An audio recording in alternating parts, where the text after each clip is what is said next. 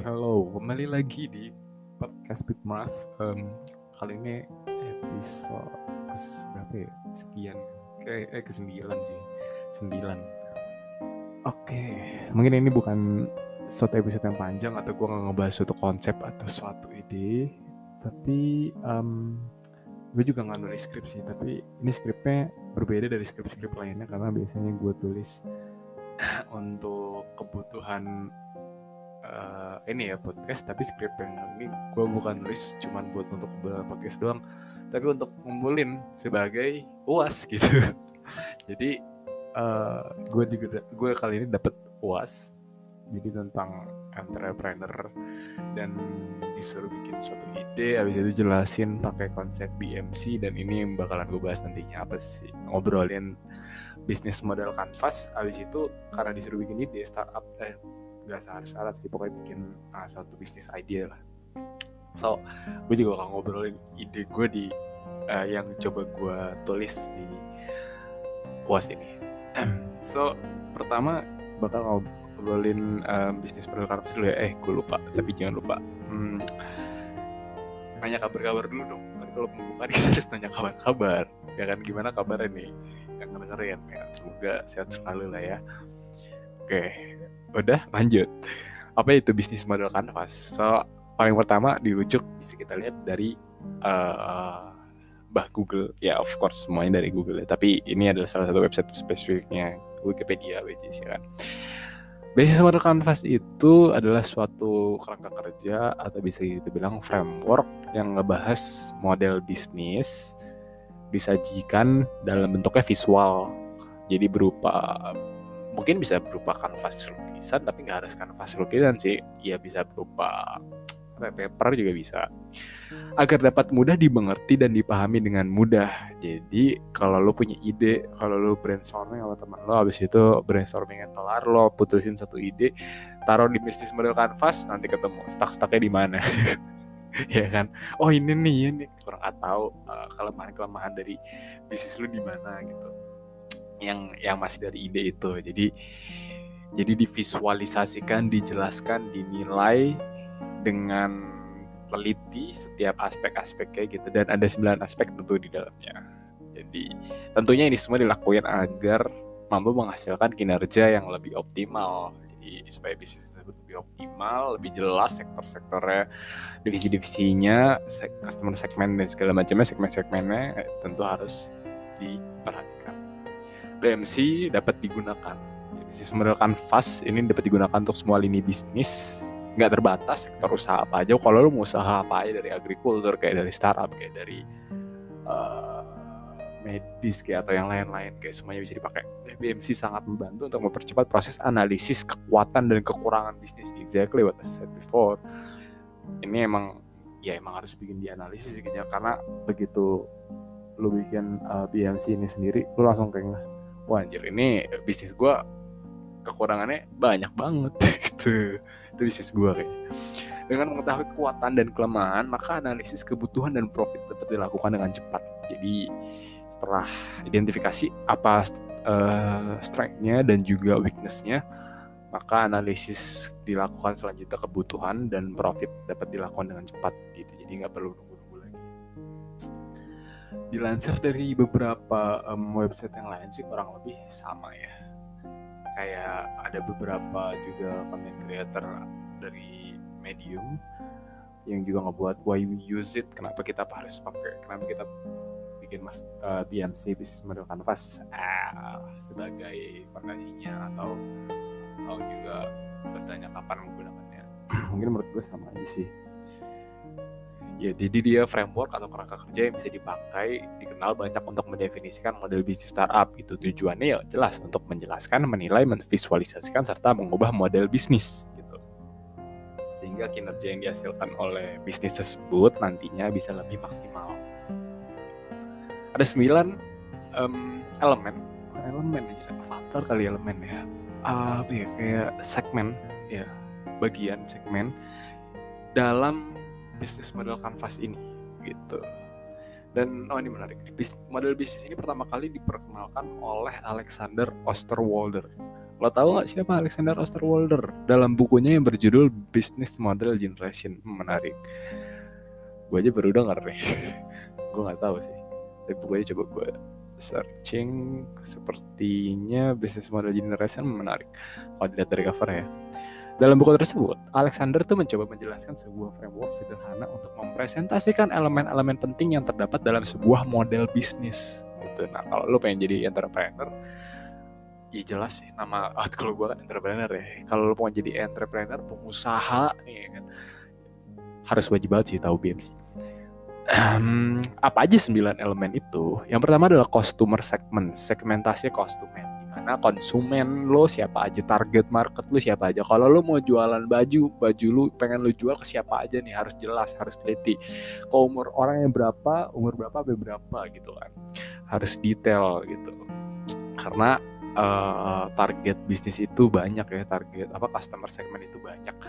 Dan gua rasa semua uh, bisnis itu punya marketnya masing-masing gitu punya customer segmentnya masing-masing yang berbeda-beda baik dari umuran baik dari uh, perilaku behavior dan segala macam ya karena customer segment uh, harus harus lu tulis detail. Lalu yang kedua adalah value proposition, proposisi nilai konsumen nih. Jadi kayak keunggulan dari produk lu apa aja gitu yang di ditawarin dari perusahaan lo gitu ke customer. Jadi nanti value proposition proposisi nilai konsumen kan. Ya konsumen bakal dapat apa aja nih dari dari produk lo nih gitu kan. Atau uh, let's say lu baju um, ya bilang aja benefitnya adalah baju anda kualitas terbaik sejagat alam semesta gitu di galaksi Milky Way bahannya cuma ada satu di sini gitu kan. Siapa tahu. Itu it's a value proposition nilai dari konsumen. Dia akan mendapatkan uh, customer bakal dapat manfaat dari produk lo. Ketiga adalah channels channels ini um, saluran. Di Indonesia saluran. Jadi ini adalah medium perantara gimana produk lo sampai ke customer. Kalau lu misalkan punya startup misalkan lu punya platform kayak let's say lu punya uh, ini deh booking bookingpedia gitu kan bookingpedia. Nah bookingpedia ini bisa nyampe ke customer. Itu gimana caranya? Of course medium adalah internet kan lu pasti lihat media internet. Atau juga bisa lu mengapproach uh, customer lu juga bisa lewat gue rasa kayak bisa lewat sosial media sih sosial media gitu kan atau um, atau uh, via via SMS dan segala macamnya gitu. Lalu ada revenue streams sumber pendapatan. Nah ini penting banget ini karena buat apa lu punya bisnis kalau lu nggak punya sumber kalau nggak ada sumber pendapatannya gitu kan. Mungkin bahkan sekelas yang startup startup bakar duit juga punya target sumber pendapatan. Walaupun kelihatannya memang duit banyak banget dan belum ada pendapatan yang dideng yang yang gue denger. Tapi ya mereka pasti punya gitu. Kalau nggak punya ya nggak jelas aja mau ke mana gitu. Revenue stream ini sumber pendapatan lu misalkan dapat dari mana? Dari advertisement atau dari penjualan produk atau dari um, hasil apa service produk service dan segala macamnya lah lalu ada key research yang kelima sumber daya. Sumber daya dari uh, ketika lo ingin mewujudkan sebuah produk lo key resource itu adalah artinya kunci dari mewujudkan produk lo itu apa aja gitu misalkan lu butuh bahan nih terbagus sejagat raya salam semesta. Ya udah kalau gitu lu pesan nih bahan katun katun Mars gitu kan. Lu lu lu import nih lu uh, apa ambil katun Mars itu jadi key resource. Atau juga uh, lain nih pengrajin pengrajin uh, apa penjahit penjahit Pluto gitu kan. Nah itu itu juga bisa jadi key resource itu jadi sumber daya utama. Jadi gimana caranya produk lo uh, produk lo ini bisa jadi satu produk ini bisa jadi itu karena apa resource-nya itu apa aja. Dan yang paling penting adalah itu key-nya ya key resource. Kalau misalkan nggak ada nggak ada si penjahit itu ya nggak akan jadi barang lo atau kalau nggak ada katun nggak akan jadi barang lo makanya key resource. Number six customer relationship. Ini adalah hubungan lo sebagai uh, ah hubungan bisnis dengan customer relationship-nya. Jadi ini merupakan elemen di mana perusahaan itu menjalin ikatan dengan pelanggannya. Perlu pengawasan yang ketat dan intensif nih supaya pelanggan lo nggak mudah berpaling ke bisnis yang lain hanya karena jalinan jalinan hubungan kurang baik. Jalinan hubungan gitu. betul karena uh, gue rasa emang uh, berbisnis juga harus menjalin sebuah hubungan sih dengan customer anjir bahasanya. Jadi menjalin hubungan itu nggak cuma pasangan doang tapi menjalin hubungan dengan customer dengan teman siap. Tujuh key activities aktivitas yang dijalankan. Nih key activities adalah aktivitas kunci yang dijalankan. Jadi semua aktivitas yang berhubungan dengan produktivitas bisnis yang berkaitan dengan produknya di mana kegiatan utamanya itu menghasilkan proposisi nilai gitu. Jadi aktivitas-aktivitas kunci apa aja sih yang dijalankan di dalam bisnis lo misalkan kita lanjutin tadi uh, baju gitu. Ya udah. Ah menjahit aja. Menjahit gak sih? Kayaknya iya sih kayak aktivitas itu salah satunya adalah uh, mungkin bisa karena karena kalau menjahit itu sangat sangat spesifik ya. Mungkin bisa di wrapping atau dirangkap semuanya pokoknya dari menjahit merajut terus uh, menyatukan semuanya itu mungkin bisa dibilang kayak membuat menyatukan. Bukan menyatukan memproduksi. Ya memproduksi ya udah deh mau produksi aja gitu produksi hasil gitu kan. Atau kegiatan-kegiatan aktivitas lainnya adalah marketing juga perlu dilakukan. Misalkan lu ada di platform startup ya pasti lu memarketkan um, hasil app lu hasil website atau hasil aplikasinya gitu. Itu key activitiesnya lalu ada 8 key partnership kerjasama ya ini adalah pengor uh, elemen ini berfungsi untuk mengorganisasikan aliran suatu barang atau layanan lainnya. Posisi-posisi partner kunci tersebut bermanfaat untuk efisiensi dan efektivitas dari key activities yang telah dibuat ngerti nggak sama. Oke, key partnership itu mungkin lebih ke arah um, kerjasama yang dibangun antara lu bukan dengan customer lagi. Ini bukan uh, relationship between eh, customer relationship nih, tapi ini lebih ke key partnership. Lu partnership dengan siapa nih? Kalau misalkan lu berpartnership dengan uh, pusat pengrajin Venus gitu kan untuk untuk membuat karya lo ya itu termasuk dalam key partnership lo udah pasti harus menjaga dan menjalin kerjasama yang baik dengan pusat pengrajin Venus gitu kan atau lo uh, bahan-bahan lo dapat dari pabrik katun Mars gitu ya lo juga harus masukin itu sebagai key partnership lo karena kalau nggak ada partnership partnership yang ininya uh, mungkin pekerja mungkin uh, usaha lu tuh gak efisien dan gak efektif gitu. Jadi ini adalah partnership yang mungkin bakalan mendukung kegiatan key activities tadi gitu agar bisa lebih efisien dan efektif. Dan yang terakhir jangan lupa perhitungan struktur biayanya. Lo ngeluarin buat apa, buat apa, buat apa. Which is called sebagai cost structure. Elemen terakhir nih yang gak kalah penting dari uh, elemen lainnya jadi cost structure struktur biaya itu emang untuk digunakan menganalisis bahwa berapa biaya yang bakalan harus lo keluarin. Tapi inget, kalau lo udah tulis cost structure, ini adalah tujuannya adalah untuk mengelola biaya secara efisien agar bisnis kita itu menjadi lebih hemat dan bisa meminimalisir meminimalisir resiko kerugian. Hal ini juga dapat menentukan proposisi nilai yang tepat untuk pelanggan. View, banyak juga anjir ada 9. Jadi ada cost structure, key partnership, key activities, customer relationship, key research, revenue stream, channels, value proposition, customer segment. Dan sekarang ngomongin tentang ide gue, ide, ide. Kalau kita berbicara tentang ide, gue rasa um, gratis dan nggak bayar sama sekali. Jadi gue ya lu bisa punya seide segila mungkin segokil mungkin gitu kan. Ya entah terwujud atau tidak nantinya ide bagi gue nggak ada yang sia-sia sih. It's a it's an, another practice to to think kreatif aja sih jadi tugas ini buat bisnis ideas in creative industry di di sektor industri kreatif. Terus gue kepikiran uh, belum kepikiran gue tuh lama aja mikirnya. Kayak um, tapi gue totally nggak nyari nyari di internet dan kebetulan suatu waktu itu gue pernah pernah nemu website nah kalau nggak salah sih ini website Taman Safari ya. Jadi di dalam website Taman Safari itu dia ngadain sebuah secara online ini cukup lucu aja jadi pengunjung nggak harus datang ke taman safarinya. Mereka bisa buka websitenya terus nonton uh, atraksi atau habitat hewan gitu. Dan dan itu bayar. Lo nonton itu bayar dan itu live tapi dari sana. Dicariin langsung dari sana. Dan um, mungkin gue terinspirasi dari situ sih. Menarik melihatnya dan bahkan uh, beberapa eh, event-event seperti konser ataupun juga pameran juga dilakukan dengan secara online ya kan? Secara melalui medium-medium seperti internet gitu kan. Hanya bertetap uh, apa face call, gitu. Video call yang ya video call.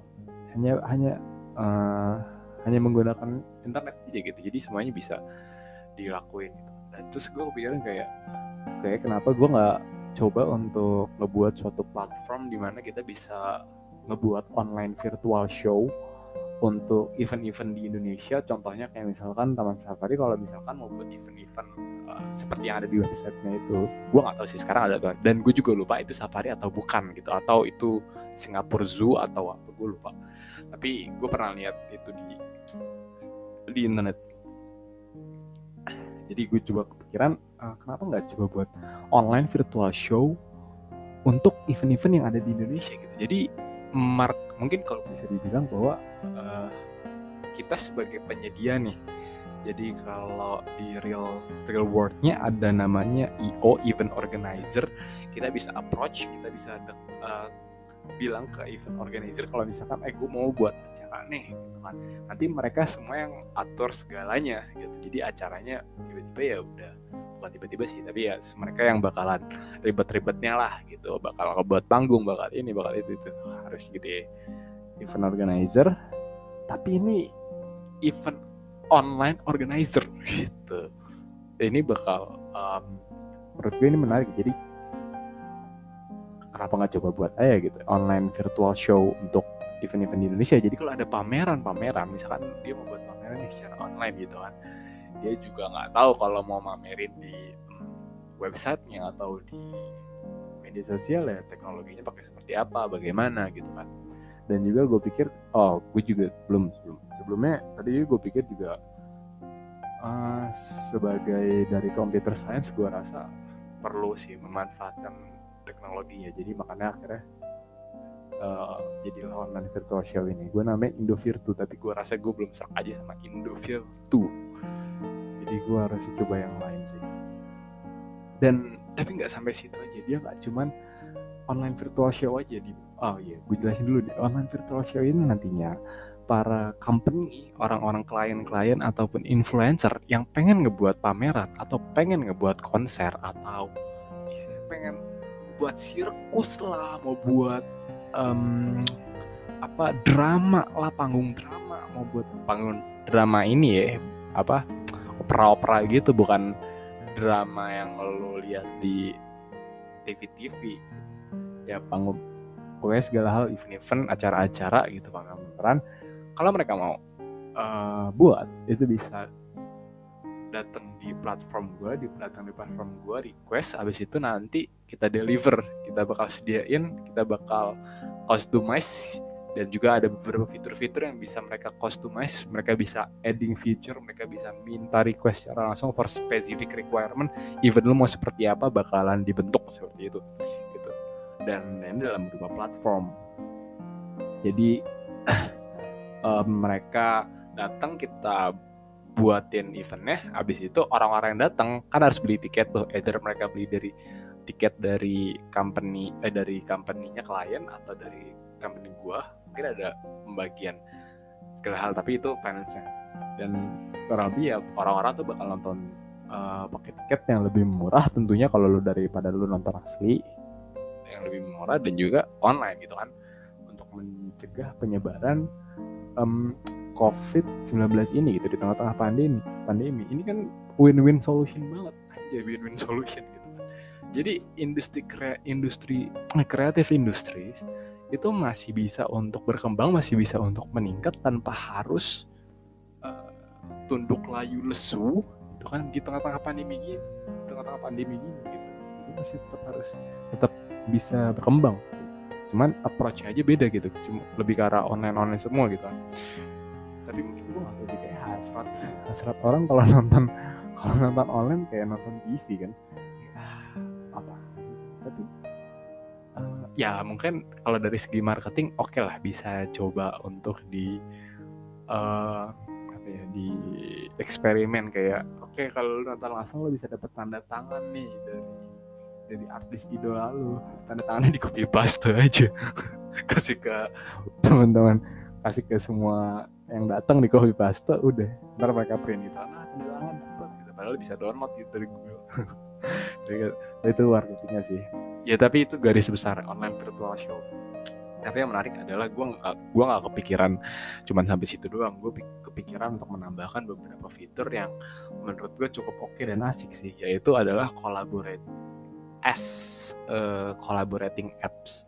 Jadi Indovirtu itu nggak cuma berfokus di online virtual show, walaupun namanya The Virtu, virtunya kayak virtual, emang gue terinspirasi dari virtual sih. Makanya gue agak gak serak karena gue punya dua main feature.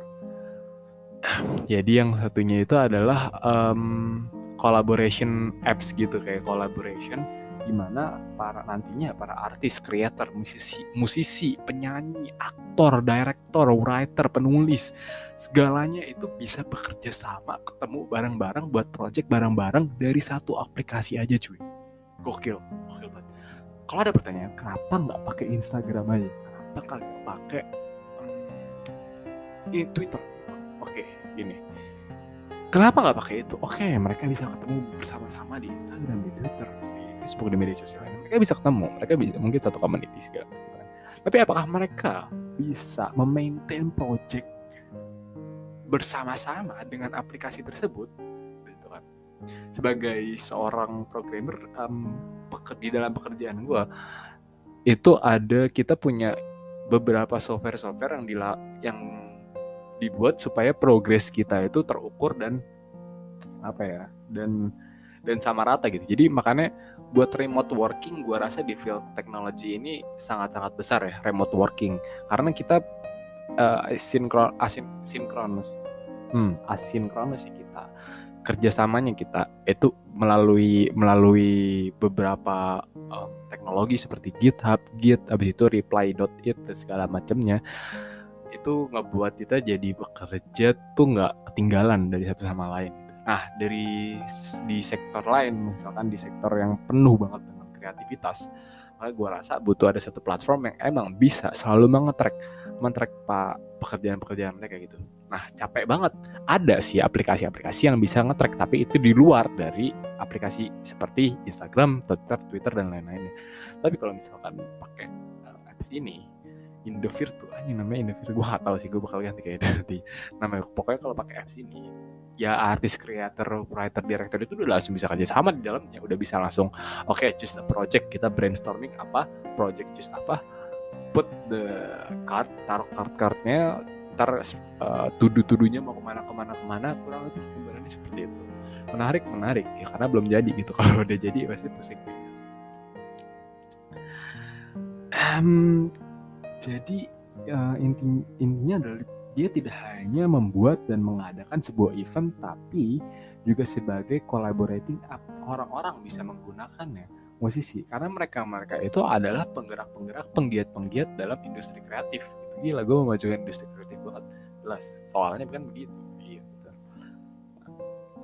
Karena orang-orang ini yang akan menggerakkan um, sektor industri kreatif makanya di gue perlu keren aja sih kalau bisa dibuat collaborating apps yang bisa menyatukan gathering and empowering uh, para seniman-seniman ini gitu. baik dari musik baik dari desainer baik dari uh, developer dan segala macamnya.